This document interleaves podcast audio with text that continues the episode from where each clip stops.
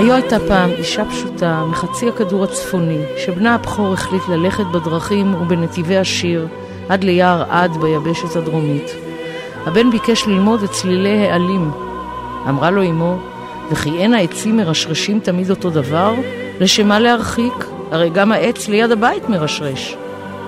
הבן השיב, אבל הרוח שונה.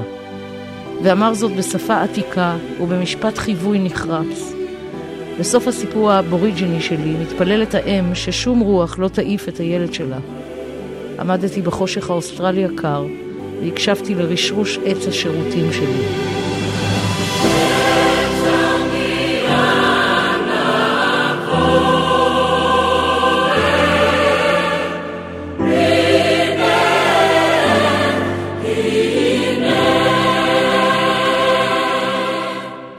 בסימן קריאה, והיום על אה, ספרה של נאוה סמל, חתונה אוסטרלית. זקי אגוזי על הביצוע הטכני, אני רותי קרן. נאוה, שלום. שלום. אז הפעם נסעת לאוסטרליה. בפעם הקודמת זה היה לניאגרה בחיפוש אחרי אותה מדינה אלטרנטיבית של אה, עמנואל נוח בספרך ישראל. והפעם נסעת בעקבות בנך, יער הרחק לאוסטרליה. שוב היית צריכה להרחיק עד לאיזה יבשת בקצה העולם כמעט, כדי לגלות שהעץ שם, במרחקים, אולי מרשרש כמו העץ ליד הבית, אבל הרוח שונה. אז באמת הרוח שונה? הרוח שונה והרוח גם דומה. ואני נסעתי למסע כדי להתחבר לעולם של אייר.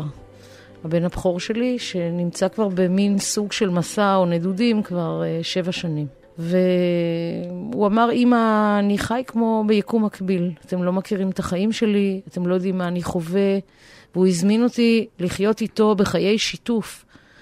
אז קודם כל, זה שהילד מזמין את האימא מאוד החניף לי ומאוד מאוד שמחתי. ויצאתי לדרך עם הרבה סקרנות, עם ניסיון להבין את הרוח השונה שלו, אה, שאיננה בהכרח הרוח שלי או התפיסת עולם שלי. אבל לצאת עם פתיחות, רוח זה דבר מנשב. רציתי שהיא תנשב, שכל הפתחים שלי יהיו פתוחים, שאני לא אבוא אטומה. היו הרבה שנים שהייתה בי אטימות כלפי uh, הדרך שהוא בחר. היה בי uh, כעס על זה שהוא עזב את הארץ, אף כי הוא לא רואה בזה עזיבה סופית. אבל בעיניי הייתה פה איזה מין הצהרת כוונות שישראל איננה המקום היחיד, בשבילי, כמובן, המקום שאין בלתו, אז קשה לי. אז ככה, נשבה לי רוח בעורפי, אבל גם הייתי פתוחה להקשיב לצלילים של הרוח שלו, ובכלל, להקשיב לרוח, רוח זה מוזיקה. המוזיקאית הראשונה בת... בעולם היא הרוח. בעצם אפשר לומר שמעבר למסע הפרטי שלך אל בנך הרחוק, זה גם היה מסע... מרתק אלינו, הישראלים שבורחים עד קצווי ארץ ולא מצליחים באמת להתנתק. מסע שאפשר אולי איזושהי פרספקטיבה אחרת על חיינו כאן, שאולי אפשר להבחין בה ולעמוד על עצם מהותה ומשמעותה רק משם, מן המרחקים. בנדודים שלי הבנתי שצריך להתרחק כדי לראות קרוב. ואת החוויה הזו גם אני עברתי. ב-88 נסענו, נועם אה, בן זוגי ואייר הילד לניו יורק בשליחות של משרד החוץ. יצאתי מגבולות הארץ, ופתאום גיליתי שאני צריכה לבדוק את הזהות הישראלית שלי, אה, או שבוא נגיד את זה אחרת, הזהות הישראלית שלי אותתה לי מתחת לאור שהיא רוצה להיבחן ולהיבדק. וכל השאלות של האם אני ישראלית אוטומטית רק בישראל, אבל כשאני יוצאת החוצה, איזה תת-אור בתוכי פתאום פועם מתוך החוויה היהודית. איפה אני נשאית של איזה גנטיקה של עם, שאפילו לא הייתי מודעת לה בתוך החברה הישראלית. אתה מרגיש את עצמך מאוד חזק בין השונים ממך. ולכן החוויה הזאת, לא רק שאיננה זרה לי, אלא היא חוויה שלמדתי להעריך אותה ולמדתי לקחת אותה איתי, גם למסעות הבאים שלי, שהם קצרים, ואפילו אני אגיד לך משהו יותר מעבר לזה. אני לא, נושאת אותה בתוכי גם בתוך החיים הישראלים. הרבה פעמים אני רואה את עצמי מבודדת את עצמי, מרחיקה עדות, כמעט כמו בטכניקה ספרותית, שדורשת... מסתכלת על עצמך מהצד? כן, ומביטה, בעיקר מגייסת לעצמי הרבה מאוד אירוניה והומור, כדי לראות כמה לפעמים הסיטואציה שבה אנחנו נמצאים, כדי לא, לא לגלוש לתוך הפתוס שלה. הישראליות, או המרדף אחרי הבנת הישראליות, או השגתה, היא תמיד אה, היא חידה מאוד חמקמקה. היא תספק לי דלק להרבה מאוד שנים. וביבשות הרחוקות, מסתבר שנמצאות כל מיני אופציות שהן בעיניי אופציות ספרותיות, שאפשר להכתיר אותן באופציית מה היה אילו. הייתה לנו כמעט מדינה באמריקה, ולכן נסעתי למפלי הניאגרה לראות את ה, מה היה אילו בדגם האמריקאי. וכשיצאתי לאוסטרליה, לא הייתי בכלל ערה לעובדה שבסופו של דבר אני גם מחפשת את מה היה אילו האוסטרלי, ואגלה שגם שם הייתה אופציה של כמעט מדינה ליהודים. את מתארת את המסע ואת הרצון מצד אחד להיות קרובה לבן שלך שנמצא רחוק, לנסות להתחבר לעולם שלו ולבחירות שלו יהיו מוזרות ככל שיהיו, ומצד שני הנסיעה שלך מתקבלת על ידי סובבייך, על ידי קרובייך, די בהרמת גבה. את נתפסת אפס כמוזרה. סהרורית, סהרורית, תגידי את זה. אולי כי את כל פעם מוצאת לך איזה ארץ נידחת לחזור אליה, ו- והם פשוט לא מבינים מה יש לך לחפש שם בכל המקומות האלו? תראי, קודם כל בטח נמצאת בתוכי איזו אנתרופולוגית uh, מתוסכלת. אני כל כך כנראה מתוסכלת, שאפילו בספר צחוק שלך בראש, בעתיד של 2099, מי שחוקרת את החברה הישראלית, ובודקת את הזיכרון השואה, היא אנתרופולוגית בעתיד. אני אוהבת מקומות אה, רחוקים, אני אוהבת מקומות שונים, אני אוהבת תרבויות וחברות שבהם אני שומעת אה, סיפורי ערש ואגדות עם ומעשיות שעוברות, ואני אוהבת לראות את הדרך שבה... אה, בני אדם מתמקמים בתוך מקום ומיד רוקמים סביבו מין סוג של נול של קסם. הם לא באים רק להתיישב, אחר כך מיד מתחיל איזה צד אה, מיתי. הם מתעטפים. באדרת של מיתוס, ואני את האדרת הזו מאוד אוהבת, גם בגלל שהיא מאוד חסרה לי בקיום הישראלי. כתבתי בספר, אוי אלוהים, מתי יהיה כבר אה, פולקלור על שדים ופיות בחוף מציצים? או האם נגלה סיפורים אה, קסומים על גדות הירקון? ישראל הייתה מין אופציה כל כך פרקטית, כל כך מעשית, ועם זאת, בתוכה הרי תמיד יש סתירה, היא הכילה חלום כל כך גדול, שרקמת החיים הקטנה הזאת, שבה אנשים מספרים סיפור מעשה ומעבירים אותו מדור לדור, על הנחל ליד הבית, על העץ ההוא ליד הבית, מה שנקרא טרם מספיקונו, הרי אפילו אי אפשר לספר אגדות על בניין גימנסיה הרצליה, כי הוא נמחק ונמצא במקומו קול בשלום, שלא ממש מזמן אגדות. אז על מה נספר אגדה? על uh, מוזיאון השעווה שהיה בקומה האחרונה של uh, קול בשלום, וגם הוא איננו עוד. החוויה הישראלית מכילה מחיקה מאוד גדולה. אחד המאפיינים של הספר הזה זה שהוא כתוב כתיעוד יומני. אישי, בלי אמצעי מיסוך ותיווך על ידי סיפור בדוי, בלי דמויות פיקטיביות, בלי עלילה פרי דמיונך. אה, זה הסיפור שלך, של משפחתך הקרובה. ואת פשוט מספרת בגוף ראשון, תוך אזכור שמות אה, אמיתיים של אה, בעלך נועם ושל בנך אייר, והתאומים הצעירים שלך עילעיל ונימי, ואחיך שלמה, ועוד כהנה וכהנה אנשים אמיתיים.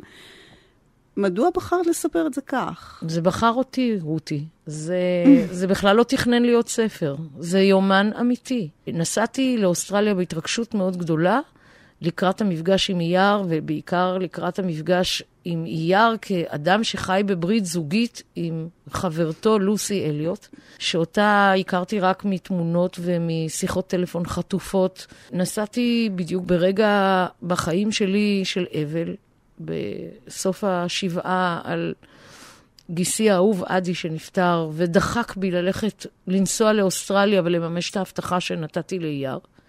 הטיסה לאוסטרליה היא לא טיסה, מדובר בשרשרת של טיסות. מה שאומר שאתה מתנתק מן העולם המוכר לפחות לשלושה ימים. וגם בגלל ה... המצב הרגשי שבו אני הייתי, פשוט חזרתי לכתוב יומן. אגב, אני עושה את זה בהמון מסעות, אני לא לוקחת איתי מחשב נייד, ואני אה, חוזרת לכתיבה המאוד מזוקקת של הנייר והיד ואני ועל הרצפה ובכל מקום, ומהתרגשות רבה ומתוך איזו ציפייה גדולה וגם חרדה גדולה.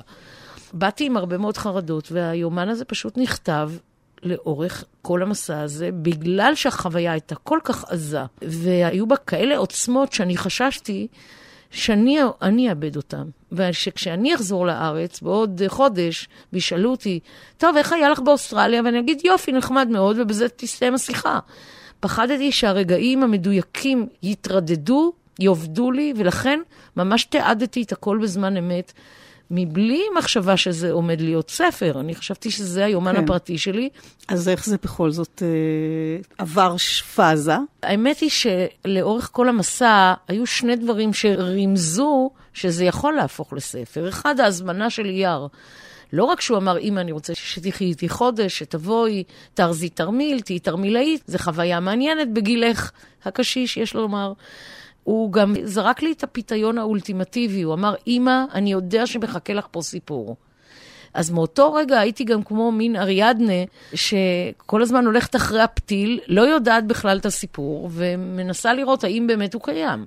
בסוף המסע, לא רק שהתחבר לי שיש סיפור, מפני שהסיפור של משפחת אליוט מתכתב עם הסיפור של המשפחה של נועם, בעלי, ושיש הצטלבות גורל מאוד מעניינת. יותר מזה התחבר לי, דווקא לאור הספרים הקודמים שלי שהיו בידיון, fiction, שפה החיים התחזו לבידיון. ושאם אני אשתמש בבידיון, אני אמעיט את החיים, אני אגרע מהם. הרי אם הייתי כותבת את הסיפור של משפחת אליוט מול משפחת סמל, באופן בדיוני, היו אומרים שאני סופרת שנשרפה קצת. אני כל הזמן אומרת, אני לא מסתירה שמדובר ביומן אמיתי ובמסמך אותנטי, אז גם אנשים אומרים, וואו, אלוהים, זה סיפור אמיתי? מה שאומר באמת שהחיים עצמם הם מספרי הסיפורים הטובים ביותר, ואני רק במקרה הזה הייתי הקלדנית של המציאות. יפה, קלדנית של מציאות. את נוסעת אה, לראות את הילד שלך, ככה את מכנה אותו, הילד שלי. והילד הזה הוא כבר גבר בעצם. איך את מסתדרת עם הפער הזה בין התחושה של אימא כלפי הילד שלה, שכנראה לנצח יישאר ילד, לבין המפגש הריאלי עם גבר צעיר שחי עם אהובתו, לוסי, עם המשפחה שלה, והספר נפתח בחתונתה של אה, אחותה של לוסי, ואת מתחברת ונכנסת אל המשפחה ואל הבית שלהם, ויש שם איזו בחינה הדדית ש... של מחותנים בפוטנציה. איך המפגש עם חייו שהוא מנהל שם בעצמאות ובבטחה, והופך אותך למעשה לתלויה בו? קודם כל, השתנו כללי המשחק. קל מאוד להגיד הילד שלי, כשאני זאת שאת יודעת, מחזיקה את מוסרות השליטה. אני מסרתי את מוסרות השליטה בשמחה רבה. בוא נגיד שהתבנית הידועה הזאת של אימא מנג'זת לילד שלה, אוי, אכלת? אוי, אה, אז קודם כל היא התחלפה. היא התחלפה במצב של גובה עיניים.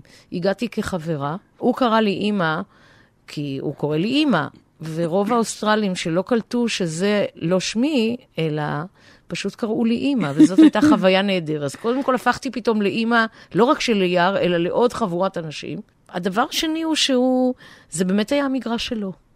ובמגרש שלו, תראה, להגיד שהייתי תלותית, מהר מאוד הוא נתן לי להיות עצמאית. הוא אמר לי, אמא תלכי, תגלי, את תגלי את הכל לבד, והוא גם הכיר את הכללים, את ההומור, את הבדיחות. א', זה היה מאוד מענג לראות אותו כגבר בתוך עולם שלם, שוחה בו, ומצד שני, ג'נטלמן. פותח לי את הדלת, מציג אותי בפני כולם, אומר זאת אימא. אוסטרלי, okay. אוקיי. נו, נימוסים. אה, והיה משהו מאוד חברי, חלקנו חדר.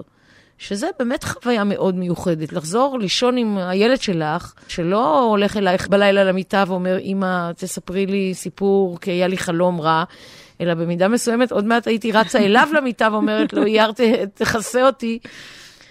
היחסים... כי יש נחש. כן, כי יש נחש בבית במקרה. הדבר המאוד יפה גם שהוא באמת קיבל איזה מין סוג של הורות כלפיי, בגלל שהוא היה ער לזה שהוא מכיר את הכללים. אז למשל, הסיטואציה הידועה של האימא הנודניקית האומרת לבנה, ילד, לבשת את הסוודר? התחלפה באימא, התלבשת טוב? כי את לא מבינה, הטמפרטורה תרד פה למינוס חמש. ואז הוא בדק אם uh, מגיני האוזניים שלי נמצאים עליי, ואם לבשתי שלוש חוות, ואם מעיל הדובים שלי סגור היטב. זה נורא הצחיק אותי, הקטע הזה שהוא מטפל בי ודואג, ואני, הילדה המרדנית, אומרת לו, אוי, באמת? מה, כמה קר יהיה? הוא אמר, תאמיני לי, יהיה קר מאוד. את כותבת, אנחנו נוסעים לסוף העולם להתפייס עם המקום שתיעבתי כל כך, שייצג בשבילי את מה שעקר את הילד שלנו מאיתנו, ואת נוסעת להיות באמת עם הילד שלך אבל שם, בסוף העולם, את פוגשת גם ישראלים נוספים, ולא מדובר בתרמילאים שנוסעים לחופשה אחרי הצבא וחוזרים, את פוגשת אנשים כמו אייר שמתיישבים שם, שנאחזים שם. איזה סוג אנשים את פוגשת? את יכולה לאפיין אותם? תראי, קודם כל, לא כולם רואים את עצמם כמתיישבים. גם אייר היה שם סטודנט, ופגשתי חבורה שלמה של אנשים שלומדים, כשהמילה לימוד אצלם, אגב, כוללת לא רק את הלימוד הספציפי של המקצוע שבו הם בחרו, במקרה שלו ושל החברים שלו, מוזיקה, אלא הם רואים את עצמם כתלמידי העולם, שזה מאוד יפה בעיניי. היו גם אחדים שהתיישבו באוסטרליה. הדור הזה של האנשים שאני פגשתי שם, וכמובן באזור הספציפי הזה של אזור הקשת בענן, שהוא אזור מאוד של מתקני עולם ועם מודעות חברתית וסביבתית, האנשים האלה לא באים מחמדנות, לא באים מרדיפת בצע ולא באים לעשות את המכה. הם באים לחפש משמעות בחיים, לחפש באמת רוח, שזה בעיניי מעיד על איזו התרוששות של המקורות הרוחניים שלנו פה בארץ, העובדה שאתה צריך לקושש אותם במקום אחר. הדבר השני שהם אמרו, לא בזעם אגב, הם אמרו את זה במין קינה. תמיד הייתה לי הרגשה שאני שומעת נהי. באוסטרליה לא שופטים אותי ולא מוכיחים אותי. התחושה שלהם הייתה פה בישראל, שאם אתה לא מגיע לאיזשהו רף של מושגי הצלחה או מושגי תהילה, ושהם לא מתאימים, הם לא מתאימים לסוג הדרישות הזה. תנועתם יותר איטית, הם לא רצו למשל להיות בתוך המרוץ, הם קראו לזה מרוץ העכברים הישראלי, תשיג, תשיג, תשיג, תשיג. הפרמטרים שלהם על הישגיות הייתה שונה לחלוטין. הם ראו הישג בלימוד, בעוד אה, חוויה מדיטטיבית, מוזיקלית, והם בהחלט גם אה, מתנערים מאיזה סוג של תהליך שעובר על החברה הישראלית, שהוא תהליך של חומרנות. זה לא שהם לא רוצים להתפרנס, כולם רצו להתפרנס, אבל הם אנשים שמסתפקים במועט. זה אחד הדברים היפים שראיתי. ושוויוניות ושיתופיות. כמעט ראיתי באופן מאוד מוזר את הרוח הקיבוצית, או של הקבוצה שאפילו קדמה לקיבוץ, אבל היא לא הייתה בישראל, היא הייתה באוסטרליה. עכשיו, מעניין שאומרת לך שם אחת הנשים, שהיא אה, דווקא אוסטרלית, היא בת זוגו של אחד הישראלים שם, של אבשלום, אה, אליין שמה, היא אומרת לך, אחרי ביקור שלה בארץ, בכל מקום, ברחוב, באוטובוס, בגן הציבורי, ראיתי רובים. ולכם הישראלים זה נראה טבעי לגמרי, מובן מאליו, אתם אפילו לא מרימים גבה. האלימות כבושה אצלכם וזה מעבר למצב ביטחוני כזה או אחר.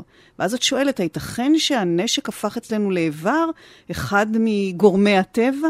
זו שיחה מאוד עצובה, מפני שראיתי את עצמי פתאום מבעד לעיניה של אישה זרה, שהתאהבה בגבר ישראלי, חיה איתו כבר 30 אה, שנה, באה לבקר בישראל, ארץ מולדתו, ונבעטה ממה שהיא ראתה פה. עכשיו, זה כמובן אולי מוגזם, יכול להיות שהיא הייתה פה, אני לא יכולתי לסמן את הרגע שבו היא ראתה, אבל היא שאלה אותי בחקירה הצולבת, עדיין הולכים אצלכם עם רובים? אמרתי, כן. להגנתנו, ניסיתי לומר לה, שרמת הדומסטיק ויולנס בישראל, או האלימות הביתית, היא מאוד נמוכה יחסית לחברה שבה כל אדם יודע לראות, ידע לראות, ידע לראות, כי כולנו היינו פעם חיילים, שזה אגב זעזע אותו עוד יותר.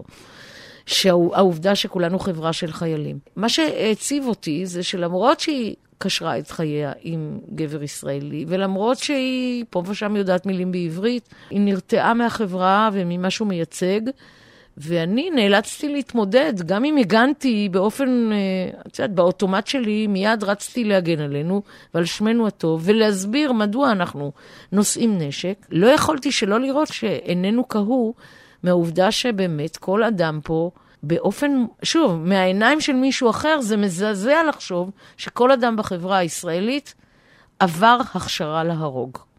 שזה מה שהיא בעצם אמרה לי. ומה שמעניין שלמרות שחלקם, אני מדברת על הישראלים, אה, השתקעו שם, בנו לעצמם חיים, אה, עבודה, אפילו קשרי אה, נישואים, ישראל בצורה כזאת או אחרת נמצאת שם כל הזמן. יש כל הזמן אחיזה במה שהוא כאן. מה יחזיר אותם הביתה, את שואלת? מה יחזיר אותם הביתה? מרק עוף של אימא? גלגלצ?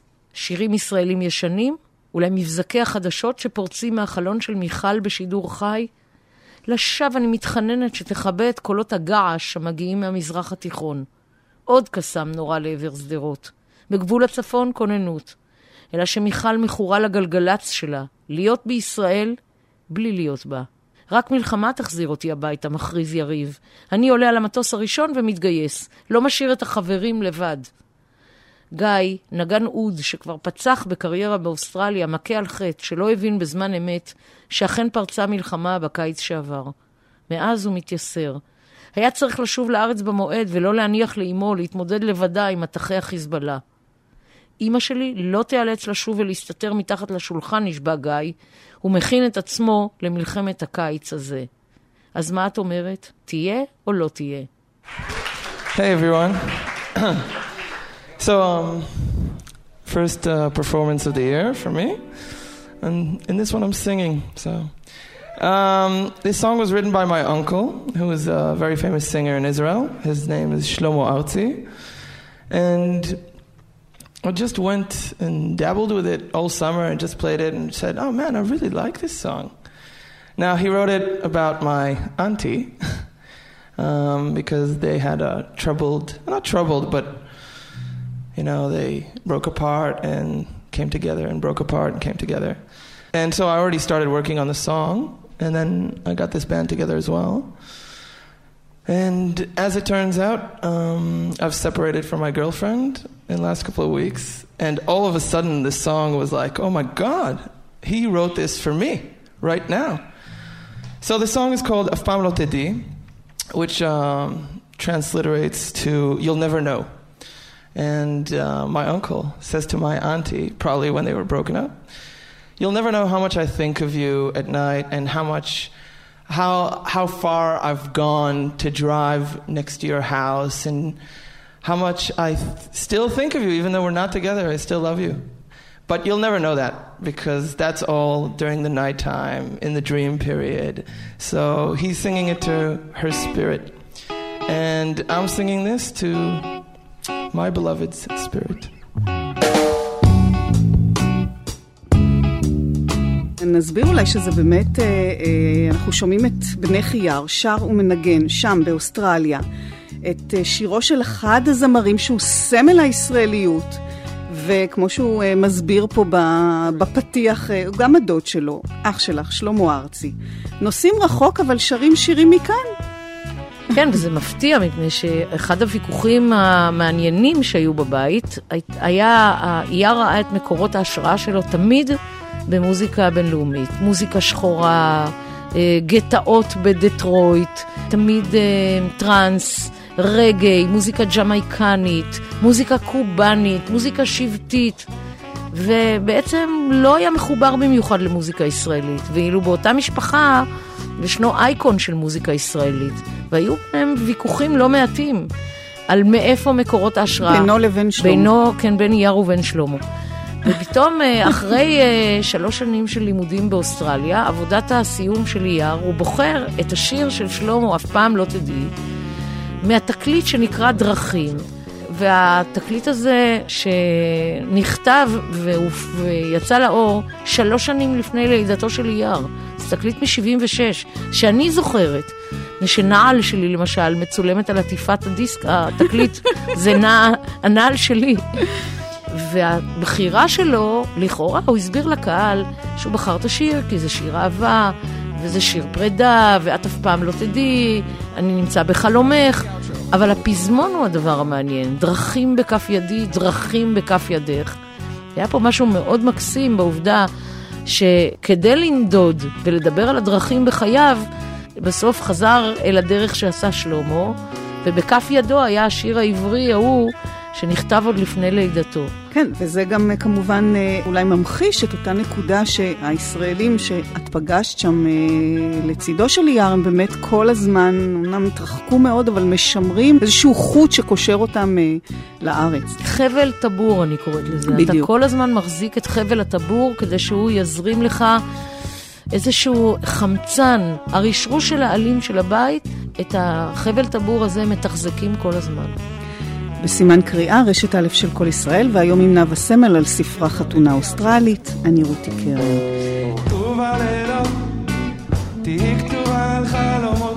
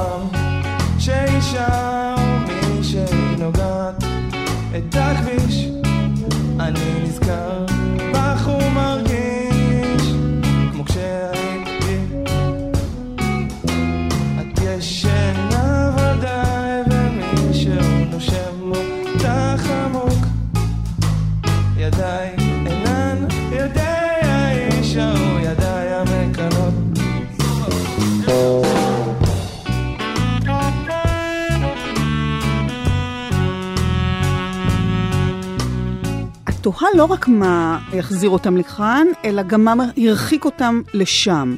מה זה הדבר הזה שהם מבקשים לברוח ממנו? את כותבת, אולי הסיפור שחיפשתי הוא על הסד הישראלי, כל כך חונק עד שצריך לנסוע ליבשת הכי קרובה לאנטארקטיקה כדי לספר סיפור חדש לעצמך, על עצמך. באופן כללי, בטח שבנקודה הזאת חשבתי שזו בריחה, אבל זה לא רק בריחה, זה גם חיפוש, זה גם העובדה שישראל חנוקה בגבולותיה, זה העובדה שאנשים מחפשים מקורות השראה והגבולות, לא רק הגבולות הפיזיים חסומים, גם הגבולות נפשיים חסומים. מצד שני, עצם התהייה על למה עוזבים, למה בורחים, מה יש שם שאין כאן, בצירוף אה, רגשות אשמה למיניהם, עצם התהייה הזאת היא אולי חריגה, ואת מעלה את האפשרות שאולי הפכנו ככל העמים שלא עושים עניין מנדידה למקומות אחרים, שלא קשורים באותו חבל טבור שאת מדברת עליו, בלתי ניתן להפרדה לארצם, אולי פשוט הפכנו נורמליים.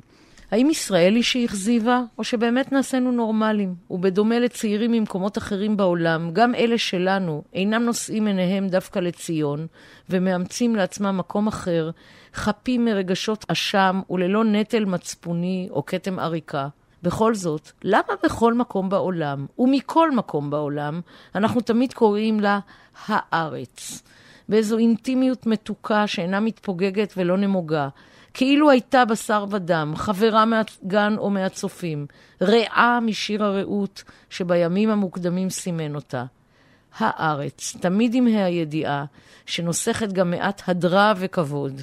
כן, ואז את מדברת על סוגיית המקום שלא מרפה ממך. יש בי דחף להינתק אל מחוזות זרים בדויים כדי שיספקו לי אותו מרחב פיזי שיער ומיכל מחפשים בגופם. כלומר, סוגיית המקום באמת מטרידה אותך, ללא ספק. תראי, סוגיית המקום, המקום היא... המקום והמיקום. המק... בעיקר המיקום, ואיך אני שומטת את השטיח מתחת לרגליי שלי כדי לבדוק מיקום אחר.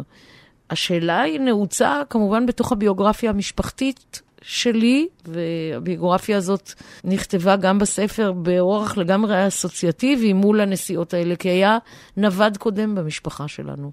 הנווד הקדמוני שהשפיע עליי היה הסבא שלי, שב-1920 היגר לארצות הברית ונטש את סבתי ואת אבא שלי בן השישה חודשים, ועקבותיו לא נדעו באמריקה, ואמריקה הייתה בעיניו הארץ המובטחת של העם היהודי, וגם בשובו לחיינו, באופן שגם כן פה, גם במקרה, ש... בסיפור של סבא שלי, הסאגה הזאת נראית כמו החיים שהתחזו לרומן.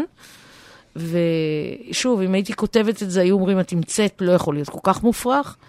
אבל סבא אה, חזר לחיינו כשאני הייתי ילדה בת חמש, דבק באמונתו שהוא לא אוהב את ישראל, אנטי-ציוני, לא מאמין שלמדינת ישראל נכון עתיד פה במזרח התיכון המדמם והאומלל. והאיום הזה, שישנה ארץ אחרת, ארץ שהוא תיאר אותה תמיד כארץ חלומית, בשבילו זו הייתה כמובן אמריקה, ואני, הילדה הציונית בלתי אין, נאבקת על רגליי האחוריות מולו, וכל הזמן נלחמת כמה תל אביב נפלאה, כמה ישראל נהדרת. ומנצלת את עיוורונו. הוא היה אדם עיוור, הוא הגיע לכאן עיוור, זו הסיבה שהוא חזר בעצם לחיק המשפחה, שאותה הוא נטש כבר 40 שנה קודם.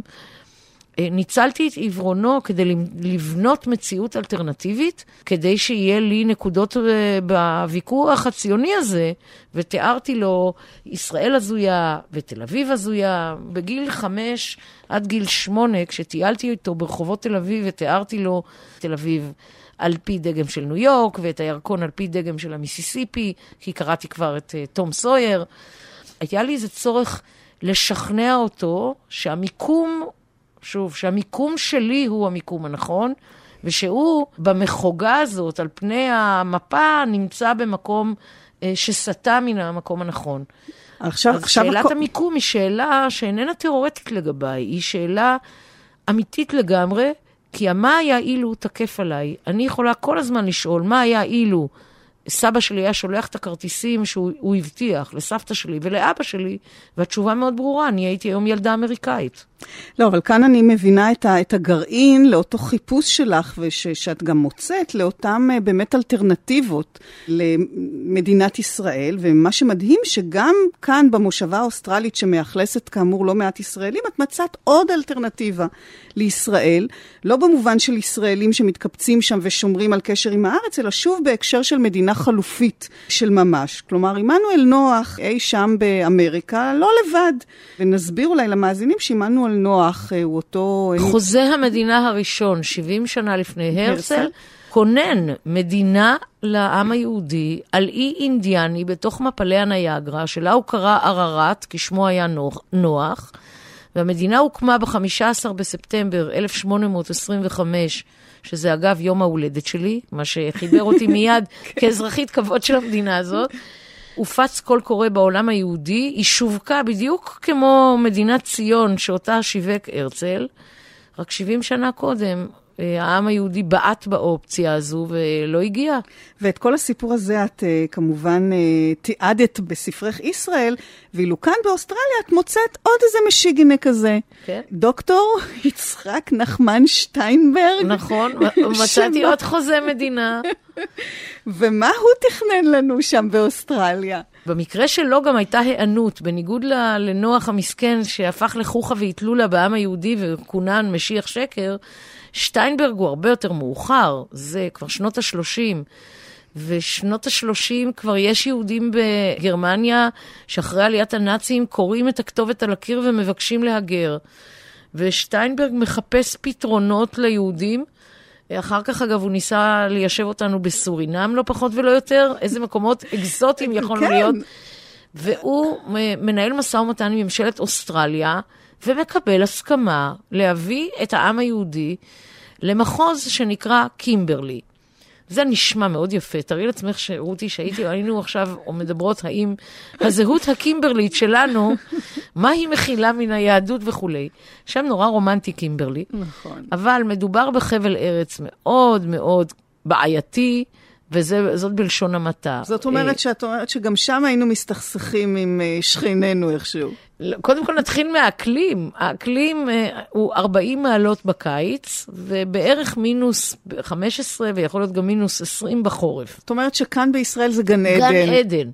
ב', מכיוון שקראתי את כל התזכירים הנלהבים של שטיינברג לממשלת אוסטרליה, והניסיונות שלו לשכנע את העם היהודי בתפוצות שקימברלי היא המקום האידיאלי בשבילו, שהוא אמר שהאקלים בקימברלי הרבה יותר מוצלח מבפלסטינה, אז חשבתי לעצמי, נו טוב, הוא בטח ביקר בפלסטינה כדי להשוות, ואז גיליתי שכף רגלו לא דרכה פה. וכל הזמן תהיתי, גם אם במקום הריק הזה, אם אנחנו אה, לא היינו מצליחים להסתכסך עם שכנינו, ויש להניח שהיינו, אה, אני יודעת מה, מקדשים את סלעי בנגל בנגל, יש שם סלעים אה, צבעוניים בפארק בנגל בנגל, ובטח היינו, היינו גם, גם עליהם אומרים, צור מחצבתנו. כן, אז בכל אופן, את נסעת לטעום מחייו של בנך אייר, אבל כמו שאת עצמך כותבת, לאן שאני הולכת, הבוידם מזנב בעקבותיי, והמילה הזאת, בוידם, אה, גם היא לקוחה מן הספר הקודם ישראל, מילה שכמובן מכילה הרבה יותר מפירושה המילולי המוכר של אה, מזווה או מחסן קטן ככה למעלה אין... בתקרה, נכון? כן, אבל אין לה בכלל מילה עברית. אין לה מילה עברית. היא עברה מהיידיש ישר לתוך העברית. וספציפית לגבייך מדובר במסע, במטען של עבר יהודי, של זיכרון השואה, של חוויות בני הדור השני, שעליהם את נמנית וכותבת הרבה. ולצד השהייה והמגורים עם אייר וחבריו, את פוגשת אנשים רבים, את מטיילת, ובאחד הטיולים שלך את אפילו נקלעת לשהייה משותפת עם קבוצת מטיילים גרמנים ביער אפל, איכשהו תמיד גרמנים הולכים טוב עם יער אפל. את רואה, אבל זה המציאות תסרטה לי, זה לא אני עשיתי את זה. האחים גרים באו לבקר, וגם איתם את מדברת על השואה. אין מנוחה לבוידם.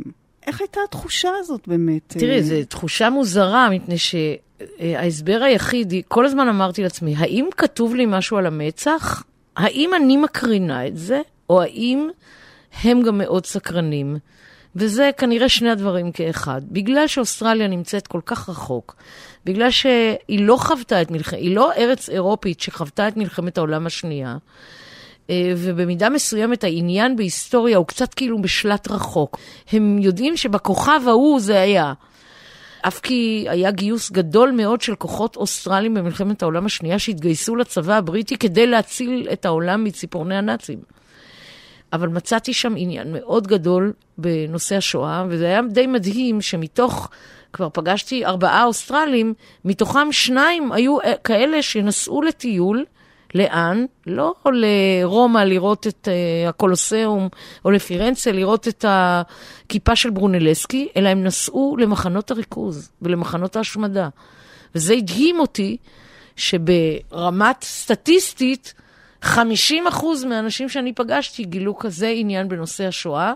שאלו אותי גם שאלות מאוד מאוד עמוקות. אה, האם הצלקת עוברת מדור לדור? האם אני רואה את עצמי כאדם פגוע? אה, שזה ממש הפחיד אותי. האם ייתכן שאני אעביר את הצלקת גם לדורות הבאים? בכלל הייתה גם דאגה אמיתית לשלומנו כמדינה, שלמרות הטראומה שהיא ספגה כעם, והיא כבר כוננה לעצמה מדינה ריבונית במזרח התיכון, היא נמצאת תחת איום מאוד גדול. הם ידעו לצטט לי את האיומים השואתיים של אחמדינג'אד לא פחות ממני. את יודעת, אני לא ידעתי אם אני מגרה אותם לשאלות האלה, או הם מגרים אותי לשאלות האלה. במקרה של קבוצת הגרמנים המטיילים האוסטרלית, נרשמתי באקראי לטרק ביער הגשם. לא ידעתי מי אני נרשמת, לא עלה בדעתי שאני אמצא את עצמי אישה יחידה בטרק עם עוד ארבעה בחורים די צעירים, ושניים מהם משרתים בצבא הגרמני, נמצאים בטיול באוסטרליה, ואני אצטרך לטפס איתם שישה קילומטר לתוך יער הגשם. בסופו של דבר שאלתי אותם מאוד בגלוי, האם אתם יודעים על השואה? אז הם אמרו כן, השפילו את עיניהם, ובטח התפללו שאני לא אתחיל לעשות להם הרצאה באמצע יער הגשם. אבל האמת היא שזה שינה את מוד היחסים בינינו. היה בהם משהו... אה, סקרני הרבה יותר כלפיי, כבר לא נראיתי רק תיירת. למשל, הייתה איזו דאגה לשלומי, ובעיקר היה להם רצון להיפתח אליי, וכל אחד סיפר לי קצת על חייו.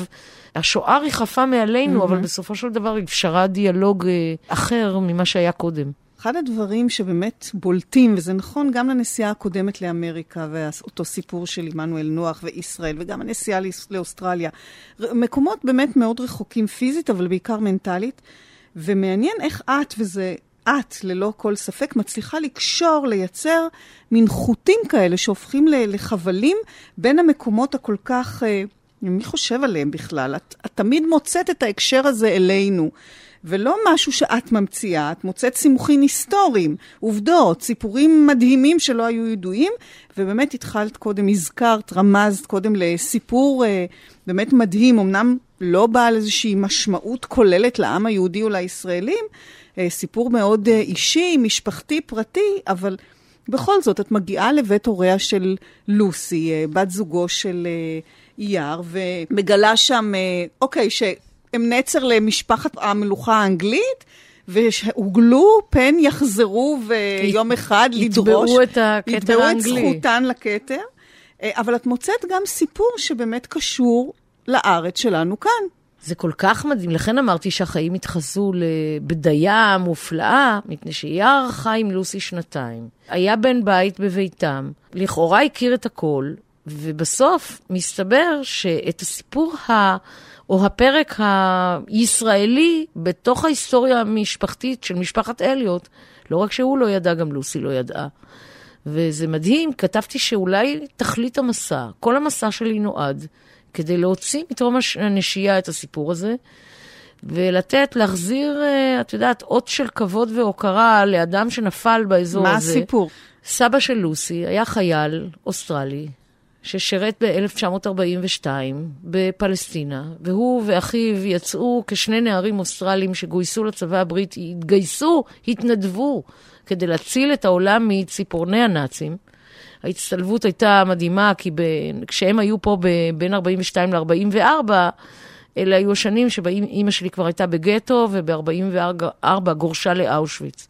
הם בעצם באו מכל כך רחוק לנסות להציל אנשים כמו אימא שלי בעולם האירופי שהיה זר להם לגמרי. זה לא חיילים בריטים, זה חיילים אוסטרלים.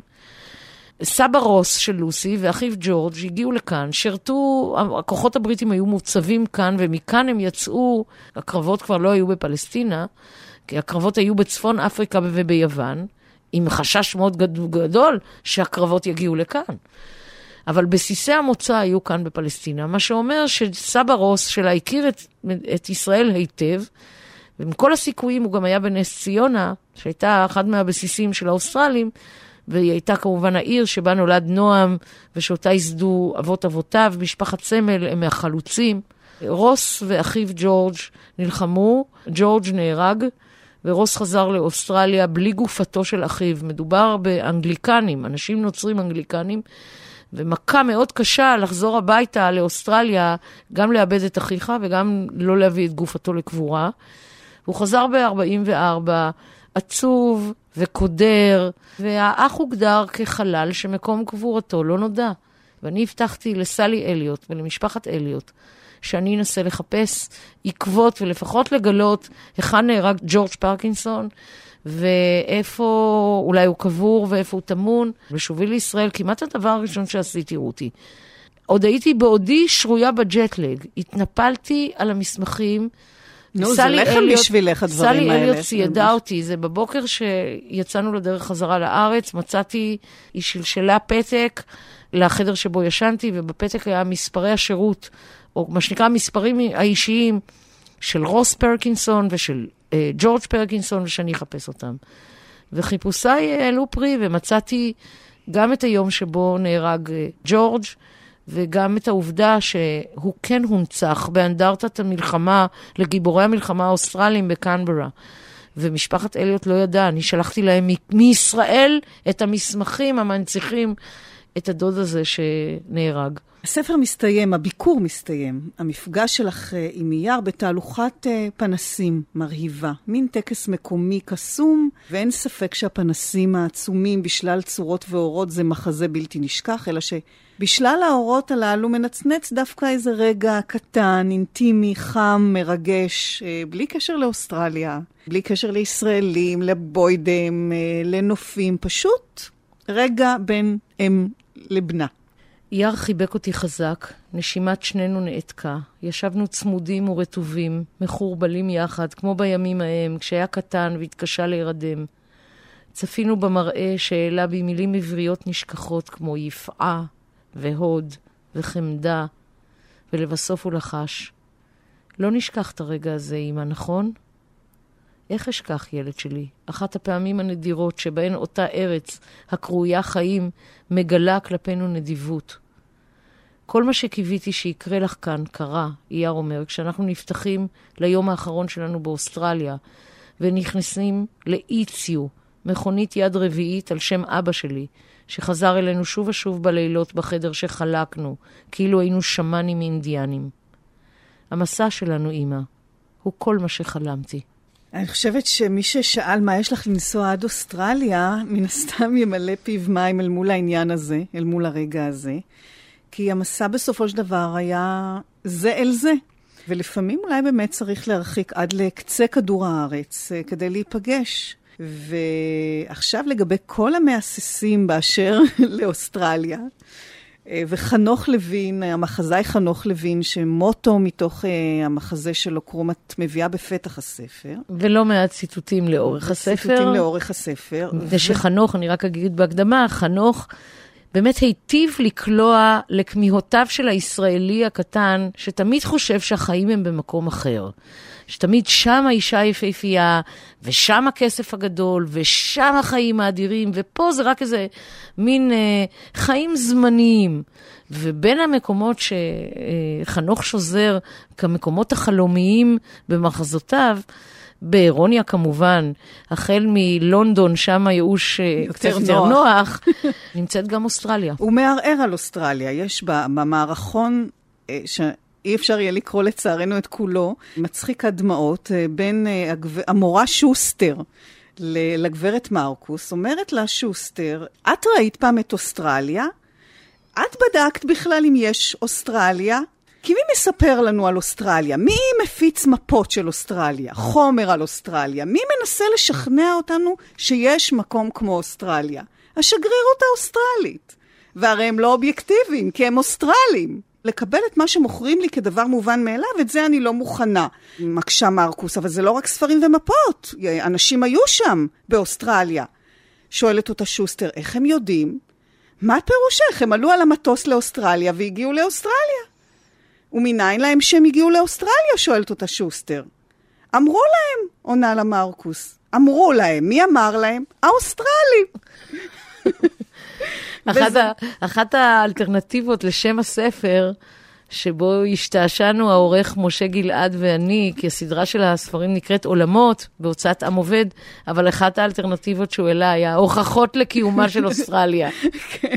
אז זהו, זה כמובן ממשיך עוד ועוד, אה, אבל אה, את אה, באמת לקראת סוף הספר, את עונה לו לחנוך לוין על העניין הזה. חנוך לוין, מורי ורבי, תן לי להיכנס לרגע למערכון שלך ולהגיד למורה שוסטר, שדורשת הוכחות לקיומה של אוסטרליה, שהיבשת אומנם קיימת. תרשה לי להתערב בוויכוח בינה ובין גברת מרקוס, ולסתור את הטענה שמי שמפיץ שמועות ומשכנע אותנו שיש מקום כזה הם רק האוסטרלים, והם לא אובייקטיביים. הנה, אני לגמרי ישראלית. ואף על פי כן יכולה להעיד לפני הגברות הנכבדות שלך, שכף רגלי אכן דרכה שם, אם כי רק בחלק קטן שלה ובאופן צנוע. אוסטרליה אינה מזימה של השגרירות האוסטרלית, והיא בוודאי לא הזיה, אף כי אני מסכימה איתך שהיא באמת נראית קצת כמו איזו ארץ אגדות. ומהמקום האגדי שבו אתה נמצא, חנוך, תמסור למורה שוסטר ולגברת מרקוס, שמצאתי באוסטרליה תשוקת חיים ממשית ומחפשי דרך אמיתיים, כמו כאב וצער, שאומנם אין להם התגלמות פיזית, אבל הם חורטים עקבות ממשיים בנפש. ואני, חנוך לוין, מורי ורבי, סובייקטיבית לגמרי. כן, סובייקטיבית ללא כל ספק, אבל אה, אוסטרליה שנמצאת אולי בסוף העולם איננה קצה הדרך. מסתבר, יער, את מספרת באפילוג, עזב את אוסטרליה, נפרד גם אה, מלוסי, ממשיך בנדודיו בדרכו אל איזה קצה אחר בעולם, דרום אמריקה. קובה, וגם את, נאוה, הנה עוד מקום שאת יכולה לחפש פה סיפור, ארץ אלטרנטיבית נוספת. הזמנת כבר כרטיס להוואנה. קודם כל, הוואנה כבר הסתיימה, הוא כבר היה בפרו, והדבר הכי מעניין זה שדווקא בנקודת זמן הזו שהספר יוצא בישראל, יאר מגיע הביתה לביקור, הוא סיים את לימודיו באוסטרליה. הוא החליט לצאת למסע ואחרי זה לחשוב.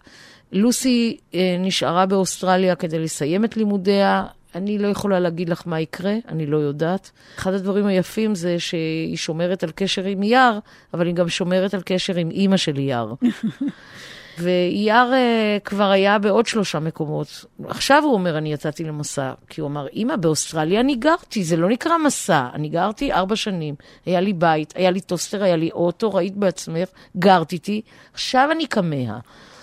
והוא היה בקובה, הצליח uh, להיכנס ללמוד מוזיקה קובאנית בבית ספר קובאני, זה לא כל כך פשוט לאדם זר. המשיך למקסיקו, שם פגש להקת מוזיקאים מרוקאים ממרוקו, והצטרף אליהם ולמד מהם דרבוקה. אם יש לקח שהוא מספר מהמסעות, זה שהמסעות האלה מפגישים אנשים ללא חציצות פוליטיות, ללא עוינות, שהגבולות באמת נעלמים, שאנשים יכולים לגלות אחד את השני על הנהר הגדול הזה. אני תמיד רואה אותם כשייטים על פני הנהר, שכל הדוגיות האלה נפגשות, אחד עובר לדוגית של זה, אחד עובר לדוגית של זה. ויש מספיק דגים לכולם, והם כותבים על אם הנהר, על גדות הנהר, כל מיני פירות טעימים ולא רבים, ולכל אחד יש את שטח המחיה שלו. ועכשיו אה, הוא חוזר הביתה לחנייה קצרה, כי אני חושבת שהוא אומר שהמסע שלו עוד לא הסתיים, אז רק חנייה. והדבר השני שהביא אותו הביתה, הנה לשאלתך, מה מחזיר אדם? כי בדרך כלל הוא מגיע בקיץ. זה ששני האחים התאומים שלו התגייסו, ואני חושבת שהוא רוצה לעבור איזה סוג של חוויה מכוננת מול הגיוס שלהם. הוא לא רוצה לשלוח אותם. פעם, הצבא שמחבר אותנו. והדבר השני הוא יום הולדתו. הוא יחוג השנה את יום הולדתו השלושים, והוא לא רוצה בשום אופן לחוג את יום ההולדת השלושים בניכר.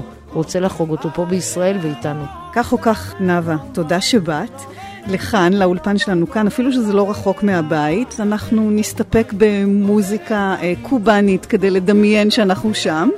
בסימן קריאה, היום שוחחנו על ספרה של נאוה סמל, חתונה אוסטרלית, שראה אור בהוצאת עם עובד. תודה רבה לזקי אגוזי, שגם הוא מאוסטרליה במקור, יליד מלבורן, נכון? הנה לנו הוכחה ניצחת שאוסטרליה אכן קיימת. אני רותי קרן, להתראות.